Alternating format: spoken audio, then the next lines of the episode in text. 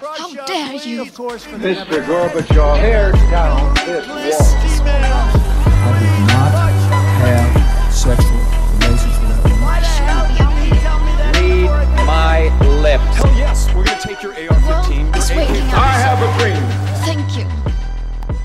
Nå har, vi, nå har vi dessverre kommet dit i, uh, i podkastproduksjonen vår, eh, Harald. Vi har jo drevet på noen år. Eh, men nå har vi dessverre kommet dit at vi må Jeg, jeg tror det må bli et slags eh, jubileum. Eller om ikke jubileum, så i hvert fall markering av antall episoder vi har om eh, politiske skandaler, dårlig politisk dømmekraft, dårlig rolleforståelse, eh, grådighet, griskhet, dumhet. Altså blant våre, våre rikspolitikere. For det har begynt å bli en del episoder, eh, og eh, nå har forsynet meg tidligere statsminister Erna Solberg kasta seg på. Eh, ikke, ikke direkte, kanskje, men i hvert fall uh, blitt uh, blanda inn eh, i en særdeles eh, dårlig sak som ble godt kjent eh, nå i september, der mannen eh, Sindre Finnes eh, har gjort en mildt sagt eh, ganske høyt volum eh, av eh, aksjetransaksjoner eh, mens Erna var eh, statsminister.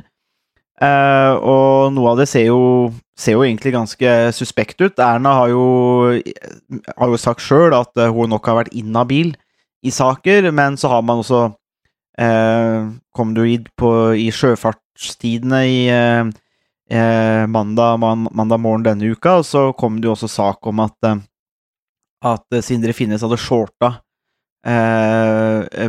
indeksen på Oslo Børs dagen før Erna måtte, gikk ut og erklærte at det var nedstenging i landet. Det trenger ikke være noe nødvendighets- eller eh, direkte forhold mellom det, men, men sånne type ting ser fryktelig dårlig ut. Eh, og hun har nok vært inhabil, eh, og sikkert også eh, lurt eller forrådt litt av mannen sin, så det er litt sånn tragisk. Eh, men, og, men det er jo ikke det vi nød- vi nødvendigvis skal grave i, Harald. Det kan jo, kan man jo leite opp i alle andre podkaster og nyheter, de detaljene på handlinga og, og denne store handl hand handlinga at det finnes. Men, men statsvitenskapelig så er det andre ting å ta tak i her, og ikke minst eh, med tanke på politisk eh, kommunikasjon, så er det jo eh, fryktelig mye å ta tak i, og det, var det jeg tenkte vi skulle kanskje se litt mer på eh, nå, da. eh, I denne episoden. Nettopp dette med, med måte, hva gjør Erna, og hvordan har det blitt kommunisert. Eh, og jeg tenkte vi kunne starte der, fordi det var i hvert fall noe som jeg har tenkt på de siste dagene. Og det er jo dette Det har vært mye diskusjon hva visste mediene på forhånd? Eh, og venta de med å komme med informasjon til eh, valget? Hva var over, ikke sant? Og noe av dette har jo en bakgrunn i forrige stortingsvalg med, med ja, ikke forrige, da, men to, med to, to valg siden, da, altså der, der det kom fram med aksjehandlene eller eh, eh, posisjonene til, eh, til Jonas Gahr Støre, som langt på vei var ødeleggende i den valgkampen. Eh, og da ble det jo også spekulert i på en måte om det var folk i mediene som kjørte saken rett før valget for å gi Høyre en, en push inn i valgkampen. Og mange av de samme stemmene lurer jo da på ok, hvis man visste om dette her nå, har mediene venta?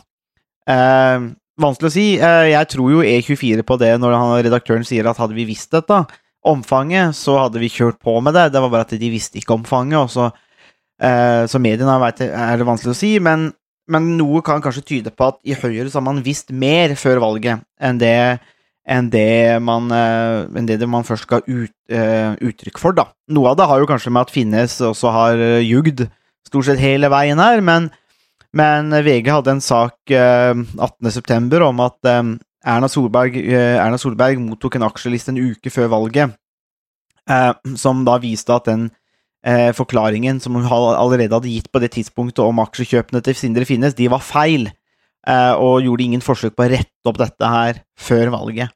Eh, men det kommer i, i etterkant. Og da kan man jo spekulere om eh, hvorfor. Og, og så er det jo litt det at eh, de da har kommet i Poenget er at det har kommet uttalelser fra Høyre, og ikke minst via pressesjefen, da, Cato eh, Husabø Fossen, som rett og slett har vært usant. Altså, man har, man har hatt bedre viten, og så har man ikke eh, kommunisert det.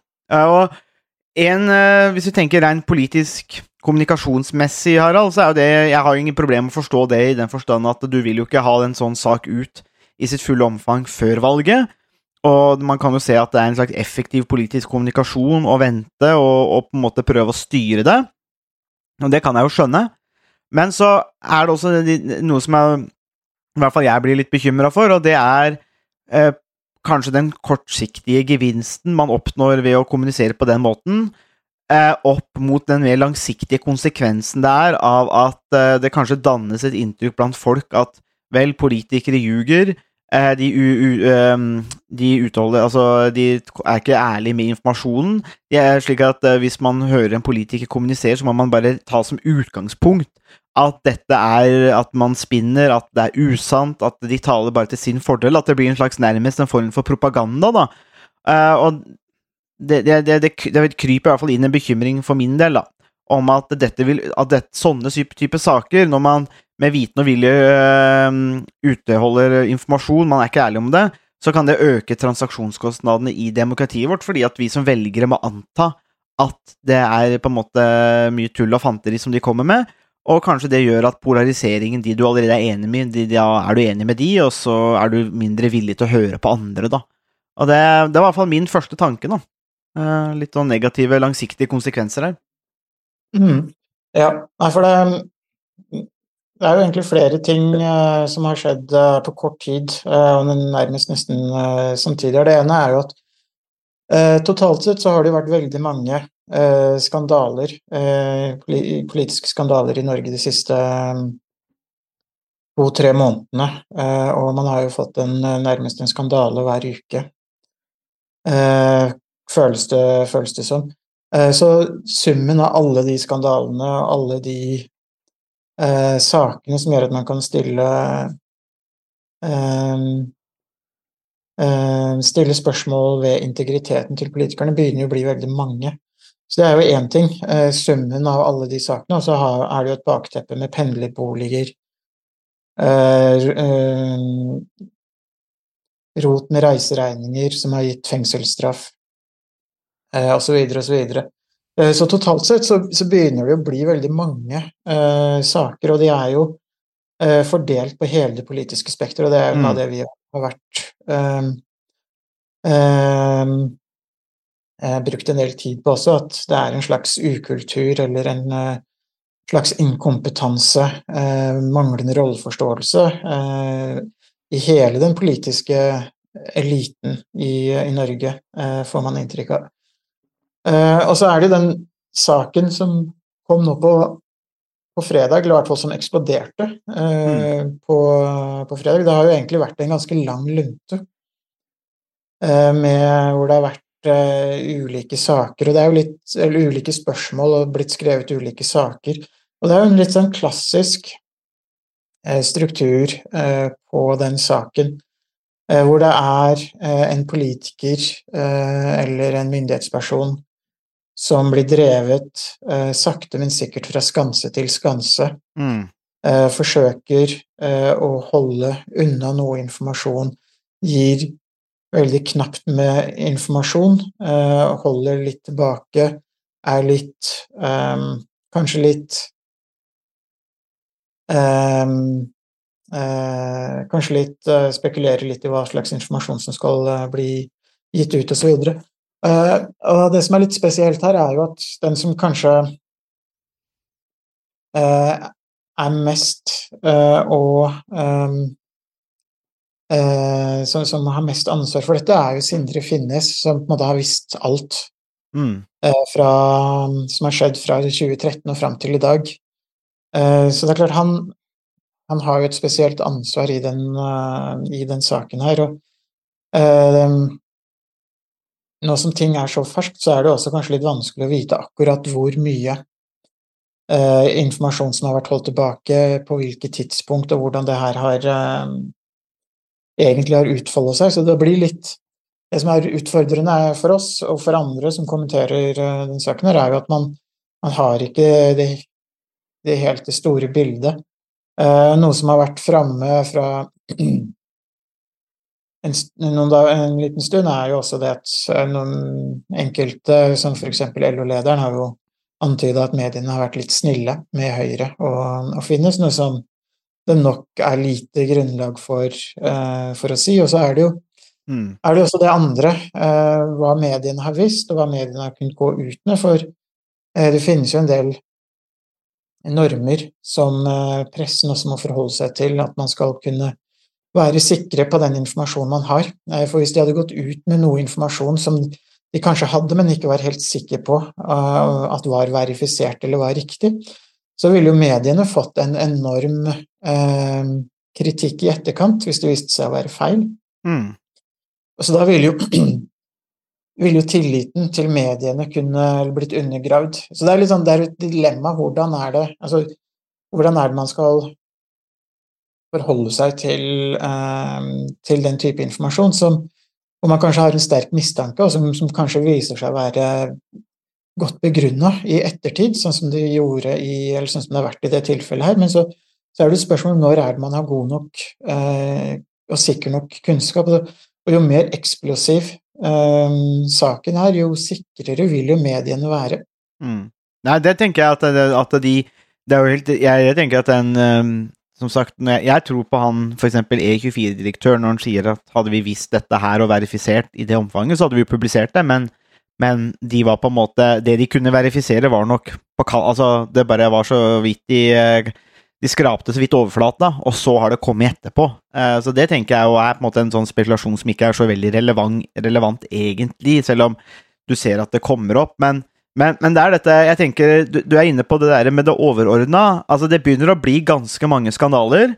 Det begynner å bli veldig mange eksempler på at politikere på tvers av det politiske spekteret ikke klarer å forholde seg til relativt enkle regler og normer, og at terskelen de legger for seg sjøl og sin handling, og det her gjelder Erna så selv om Sindre Finnes har handla, så er det hennes ansvar. Eh, og eh, problemet er jo det at eh, og, og, det her er jo sett, det har vært mange i sjøfartstidene som har snakka om, om, om, hvordan dette fungerer f.eks. i finanssektoren. Derfor så har jo også Erna og nå fått ganske hard medfart fra finanssektoren. fordi at eh, der har du en, en sektor som, for, som eh, forvalter store ressurser, og er underlagt ganske strenge regler.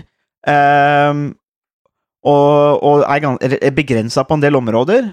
Og jeg har jo sett da kommentarer fra folk som er høyt oppe i den verden, som på en måte sier at det er, u, det er, det er, umu, altså det er, det er umulig at en, et lignende tilfelle i finansverdenen ikke hadde medført sanksjoner.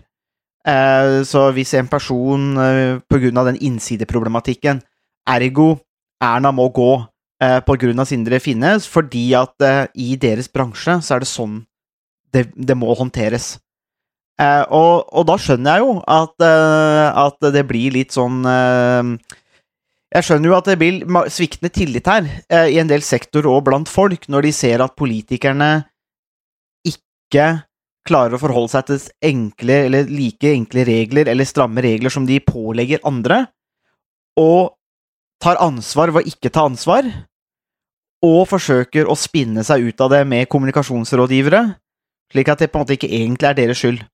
Og, og det tenker jeg at eh, Jeg skjønner på en måte hvorfor Høyre Men, men jeg, jeg veit ikke om det er bra for Høyre og Erna å bli drevet fra skanse til skanse, eller om det har vært bedre å bare tatt ansvaret. Eh, og så skjønner jeg at det er kjipt for Høyre, eh, for de har bare Erna stort sett på topp. Og de har investert veldig mye i, i Erna, det gjorde de også i valgkampen. Eh, men jeg lurer på om det kanskje hadde vært bedre for alle, da. Om, eh, om man uh, gjorde som man pålegger mange andre i mange andre sektorer, og si at hvis dette skjer, så er det sanksjoner, og da må du ta det ansvaret. Uh, og det samme vil jeg si gjelder Huitfeldt og Brenna òg, men uh, så, så, her, så, her, vil jeg bare si at da, da, vil, jeg, da vil jeg måtte si at Erna føyer seg bare inn i rekka av der politikerne er sånn Ja, vi har driti oss ut, og vi har gjort noe som er feil, men vi visste ikke om det, så dermed så kan vi ikke ta ansvar for det, selv om vi egentlig har ansvar for det. Uh, og det, det, virker så fryktelig billig, da, og ødeleggende. Ja, det er det, og det, det her er jo et veldig viktig, um, viktig skille på hvordan man tar ansvar.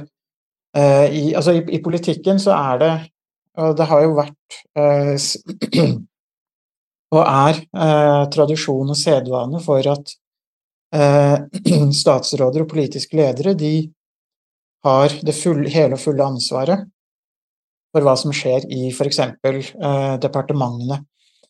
Eh, hvis en, eh, en departementsansatt også, må, også, gjør en feil, så er det på ma mange måter statsrådens ansvar, og statsråden som må ta konsekvensen av det. Og Det er jo et, også et viktig prinsipp, fordi det gjør at man bygger en tillit mellom de ansatte i departementet og den øverste ledelsen. Eh, og det gjør det også tydelig at man kan ikke bare eh, ofre en tilfeldig saksbehandler eh, hvis det skjer noe feil i et departement eller lignende. Eh, og det gjør også at eh, eh, statsrådene og de politiske lederne de har veldig, en veldig sterk interesse av å lede departementene, lede de institusjonene som de, de er øverste leder for, på en ansvarlig måte. Fordi de vet at skjer det noe, så er det eh, dem som statsråder det vil gå, gå utover.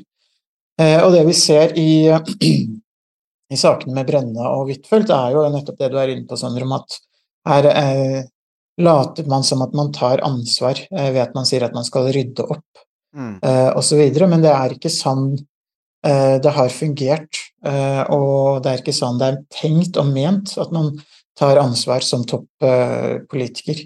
Mm. Uh, og uh, derfor er det, tenker jeg, det, jeg er helt enig i det du sier, at de, de um, burde også ha trukket seg med en gang, og da ville det vært mye lettere å gå videre. og det også det som er noe av poenget med at man har den type ordninger, det gjør det mulig for politikerne å avslutte en sak, avslutte en mm periode, ehm, og at man kan gå videre ved at man setter inn en, en ny ledelse i eh, et uh, departement. Mm. Uh, for Solberg så er det jo litt annerledes, siden hun ikke uh, er statsminister eller statsråd nå. Hvis hun hadde vært statsminister, og hvis man hypotetisk sier at den saken her hadde kommet opp i 2019 f.eks., um, så ville det jo vært helt utenkelig at hun ikke ville måtte trekke seg. Mm. Um, og det som jeg tenker er, noe, er et viktig poeng, er jo at uh, fordi hun ville måtte trukket seg i 2019 hvis saken kom opp, uh, så innebærer det også egentlig at det er den samme konklusjonen, samme konsekvensen i dag, selv om saken kom opp i, mm. i, i 2023, så burde så, be, så betyr det at hun eh, bør trekke seg eh, som statsministerkandidat for Høyre ved mm. neste valg, eller til neste valg. Mm. Nettopp fordi at ellers vil den saken hefte ved henne, og det er jo også tydelig at man nærmest har en komplett løs kanon med Sindre Finnes mm. i kulissene. Mm. Eh, og når han ikke har klart å forholde seg til ganske enkle og opplagte eh, prinsipper om habilitet, innsidehandel eh, osv., så, eh, så, så er det vanskelig å se for seg at eh, man skal ha man kan, At det såkalte Team Erna mm. kan flytte inn i uh, statsministerboligen igjen. Mm. Eh, så, og for Høyre sin del så ville man også mye raskere blitt ferdig med den saken her, hvis Erna hadde trukket seg. Eh, for da ville man kunne si at ok, det her var um, en tabbe, det her var feil. Dette er noe som absolutt ikke skulle skjedd. Vi tar konsekvensene av det. Og vi er lei oss for det som har skjedd, og vi bygger et nytt Eh, politisk team eh, rundt en, eh, en ny mm. leder. Det ville gjort at de ville kunnet, kunnet gå videre både politisk og kommunikasjonsmessig. Så lenge Erna fastholder på at hun skal være leder og statsministerkandidat, så innebærer det at den saken her vil fortsette å utvikle seg. Den vil fortsette De vil fortsette å måtte bruke veldig mye tid på Eh, på den, eh, den, saken her, som de istedenfor burde brukt eh, på å finne eh, en ny politisk ledelse eh, Mm. og finne et nytt team eh, som kan jobbe videre eh, mot eh, neste valg. Mm. Eh, Så både kommunikasjonsmessig og rent politisk og rent eh, på, på alle måter så er, er det her en tapssak, og de sliter seg ut. De jobber jo sikkert døgnet rundt eh, med henvendelser fra media og oh, ja. hvordan de skal respondere. Istedenfor så burde de brukt eh, Burde de bare tatt et steg tilbake, trukket seg, eh, og så kommet til, tilbake. Men det er dette de har investert i, ikke sant? Altså Erna er jo det de har investert i eh, som kandidat ikke sant? til neste stortingsvalg, og de, er jo, de føler vel at de har investert såpass mye i, i Erna eh, som lederen av Høyre. hun har en, måte, en så sterk posisjon i partiet at det å på en måte ta inn over seg realitetene, da, det er på en måte ikke aktuelt, fordi at eh, ja, de har rett og slett investert i så mye, og det, jeg, jeg får en sånn der assosiasjon ja, da, med, nå med Erna til den eh, sketsjen med Trond Kirkevåg, han som eh, går og griner seg til, eh, til høyere lønn og sånn. Og liksom, ja, men jeg vil jo ha høyere lønn. Og det, er, det er litt sånn jeg føler på, liksom, på, på Erna der og det apparatet der òg nå. på en måte, De er så nære makt, de har mye makt, de er så nære makt, og, og, så, og så blir de felt. Og jeg tror kanskje rasjonelt så vet de at dette er en fryktelig dårlig sak, og jeg tror rasjonelt så vet de at de bør trekke seg. Og hadde det vært noen andre partier, så hadde de nok vært ganske tydelige. Men så når du havner i det sjøl, så når pendelen svinger, så er det tydeligvis litt vanskelig å svinge det og sette den, eh, det refleksive lyset på seg sjøl. Det er på en måte litt for vondt, og da er det på en måte Ja, ja, til helvete med prinsipper, da. Er, vi, må, vi får være mer pragmatiske.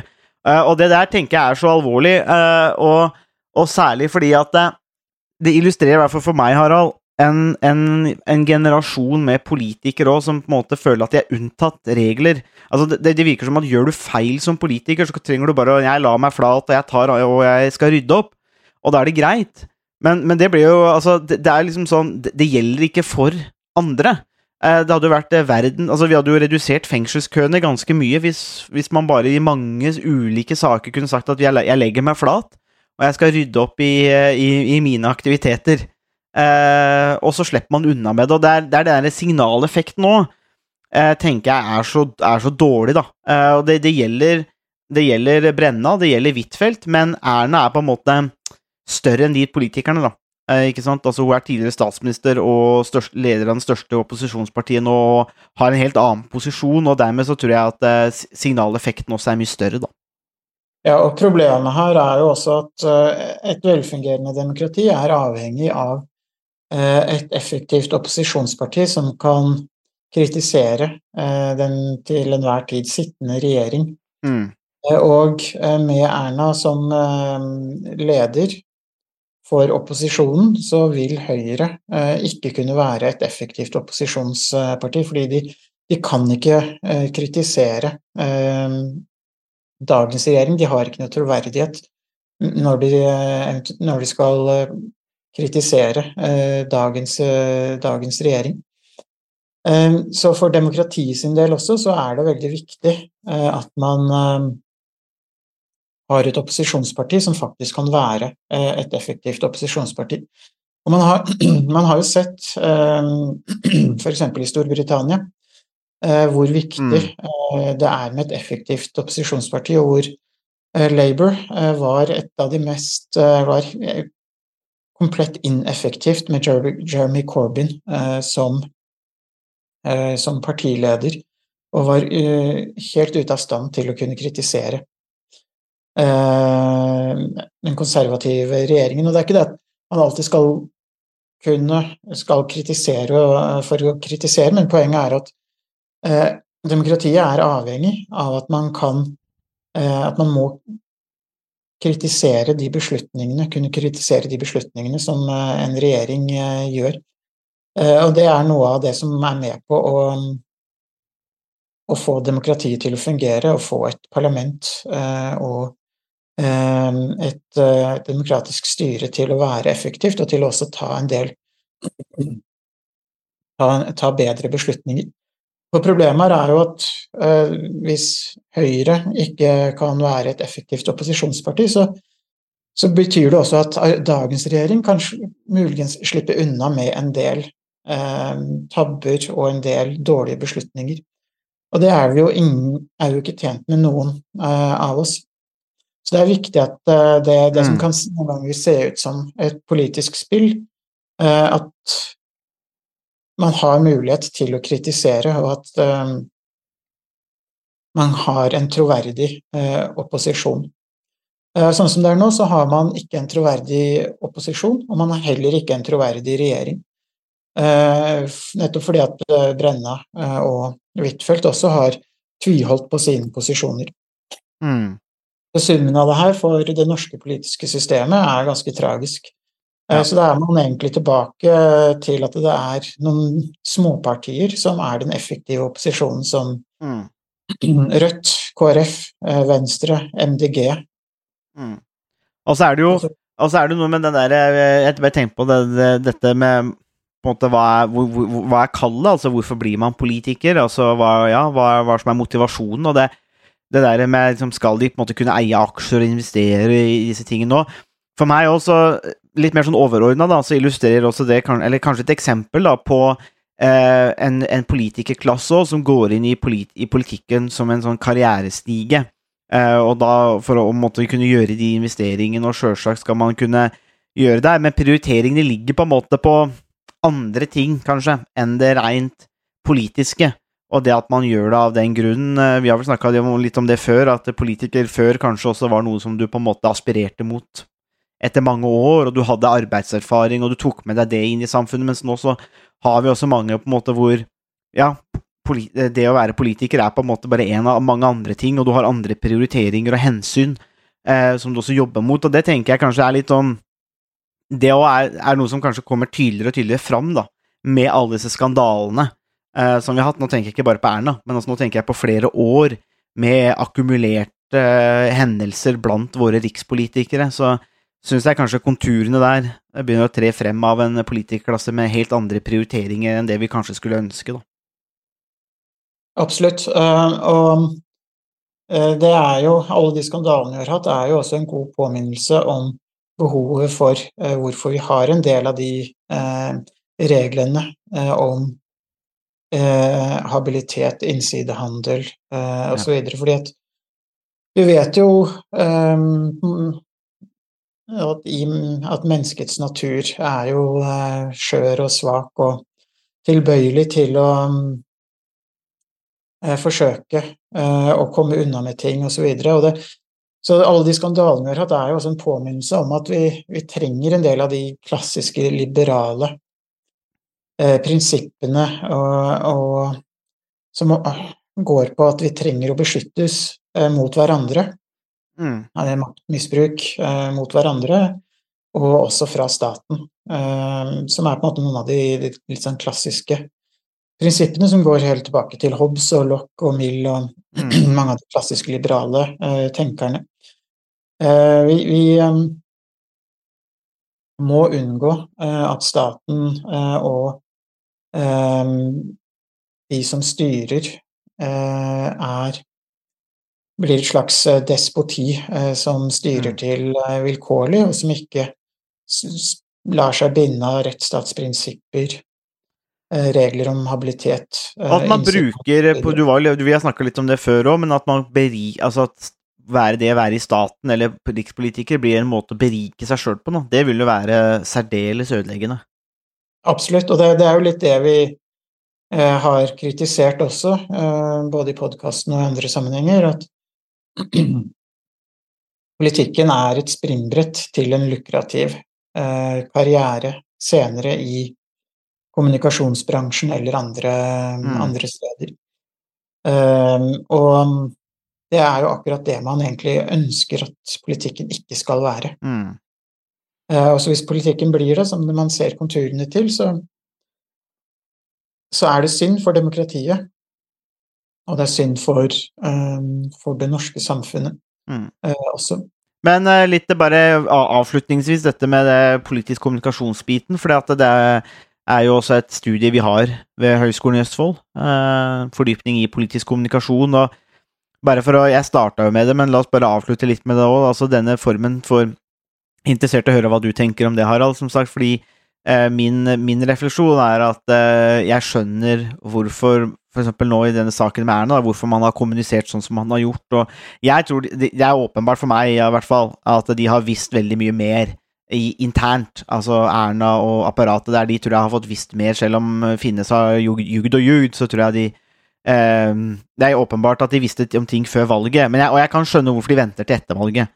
Eh, internt, i hvert fall. Det er jo ingen, på en måte ikke åpenbart. Men at de skulle si det. Men eh, jeg, jeg, jeg, klarer likevel ikke å fri meg fra den tanken da, om at hvis, hvis dette blir normen Altså, hvis man hele tida venter med informasjon, kun, eh, kun kommuniserer på en måte når det er fordelaktig, alt skal spi spinnes Jeg så han der eh, Cato Fossen sa liksom at eh, ola seg sånn på at eh, hadde vi visst det, så skulle vi ønske at vi hadde gjort bedre valg, eller ønske at vi hadde gjort det. Så, men du kunne gjort det. Eh, ikke sant? Eh, og, og, det blir så fryktelig vagt, da. Eh, og, så jeg, mine tanker er jo at på kort siktig så kan jeg skjønne kommunikasjonen. Jeg tror langsiktig så tror jeg det kan ha litt ødeleggende effekt. fordi at du antar at den kommunikasjonen som kommer fra politikere, med mindre man er i det partiet og liker politikerne, så antar man at det egentlig er tull. fordi at du, det, det, det er filtrert og spinna og alt mulig. Og det føler jeg at det kan ødelegge for Altså, det hever transaksjonskostnadene for å drive politikk, da. Fordi man ikke kan stole på det som nødvendigvis kommer. Så jeg tenker at, eh, at det her er litt ødeleggende nå, da. Eh, I et større perspektiv, og at det på en måte kortsiktig kanskje er grei kommunikasjon, men at på langsiktig så tror jeg kanskje det kan underminere litt mer av den politiske kommunikasjonen, da, for å være mer effektiv. Ja, um, jeg syns det er litt vanskelig å være vite hvor bombastisk man kan være, eh, siden vi ikke vet alt enda om hvordan eh, den eh, såkalte tidslinja som mange har eh, snakka om de siste dagene har vært, og mye, hvem som har visst hva og hvor mye på hvilke tidspunkter. Men jeg tenker at jeg tenker nok at uansett Eh, så kunne man kommunisert kunne Høyre antagelig kommunisert eh, mye mer effektivt og bedre ved at man Uansett hva man hadde visst eller ikke visst, så kunne man prinsipielt sagt at Eller tatt en prinsipielle standpunkt eh, om eh, hvordan eh, man skulle forholde seg til aksjehandel som nærstående til en statsminister eller statsråd osv. For det er jo et standpunkt som ville gitt en viss troverdighet, og som man også da kunne økt troverdigheten med i etterkant, når man da fikk eh, den, den, krisen og den eh, skandalen man har fått. Fordi da kunne han sagt ok, eh, nå ser vi det fulle omfanget, eh, og vi tar konsekvensen av det. det ville, da ville, man, da ville velgerne i større grad tenkt at her er det en viss troverdighet, eh, for her følger de i hvert fall de prinsippene som de har kommunisert til oss mm. underveis i, i valgkampen. Um, da, da, ville man kunne klart å opprettholdt noe av den eh, troverdigheten man trenger eh, som, som, politiker. Og nå er, er den eneste veien tilbake et nytt, en ny ledelse. En ny statsministerkandidat for, for Høyre. Eh, og hvis de ikke gjør det, så vil det her eh, vil det alltid være en tvil, alltid være en viss eh, svekkelse mm. Av tilliten og troverdigheten til, til Erna Solberg. Og det her går jo også utover alle de andre nedover i partisystemet. Mm. Fordi at de ikke har tatt, man partiet ikke har tatt, tatt ansvar. Mm.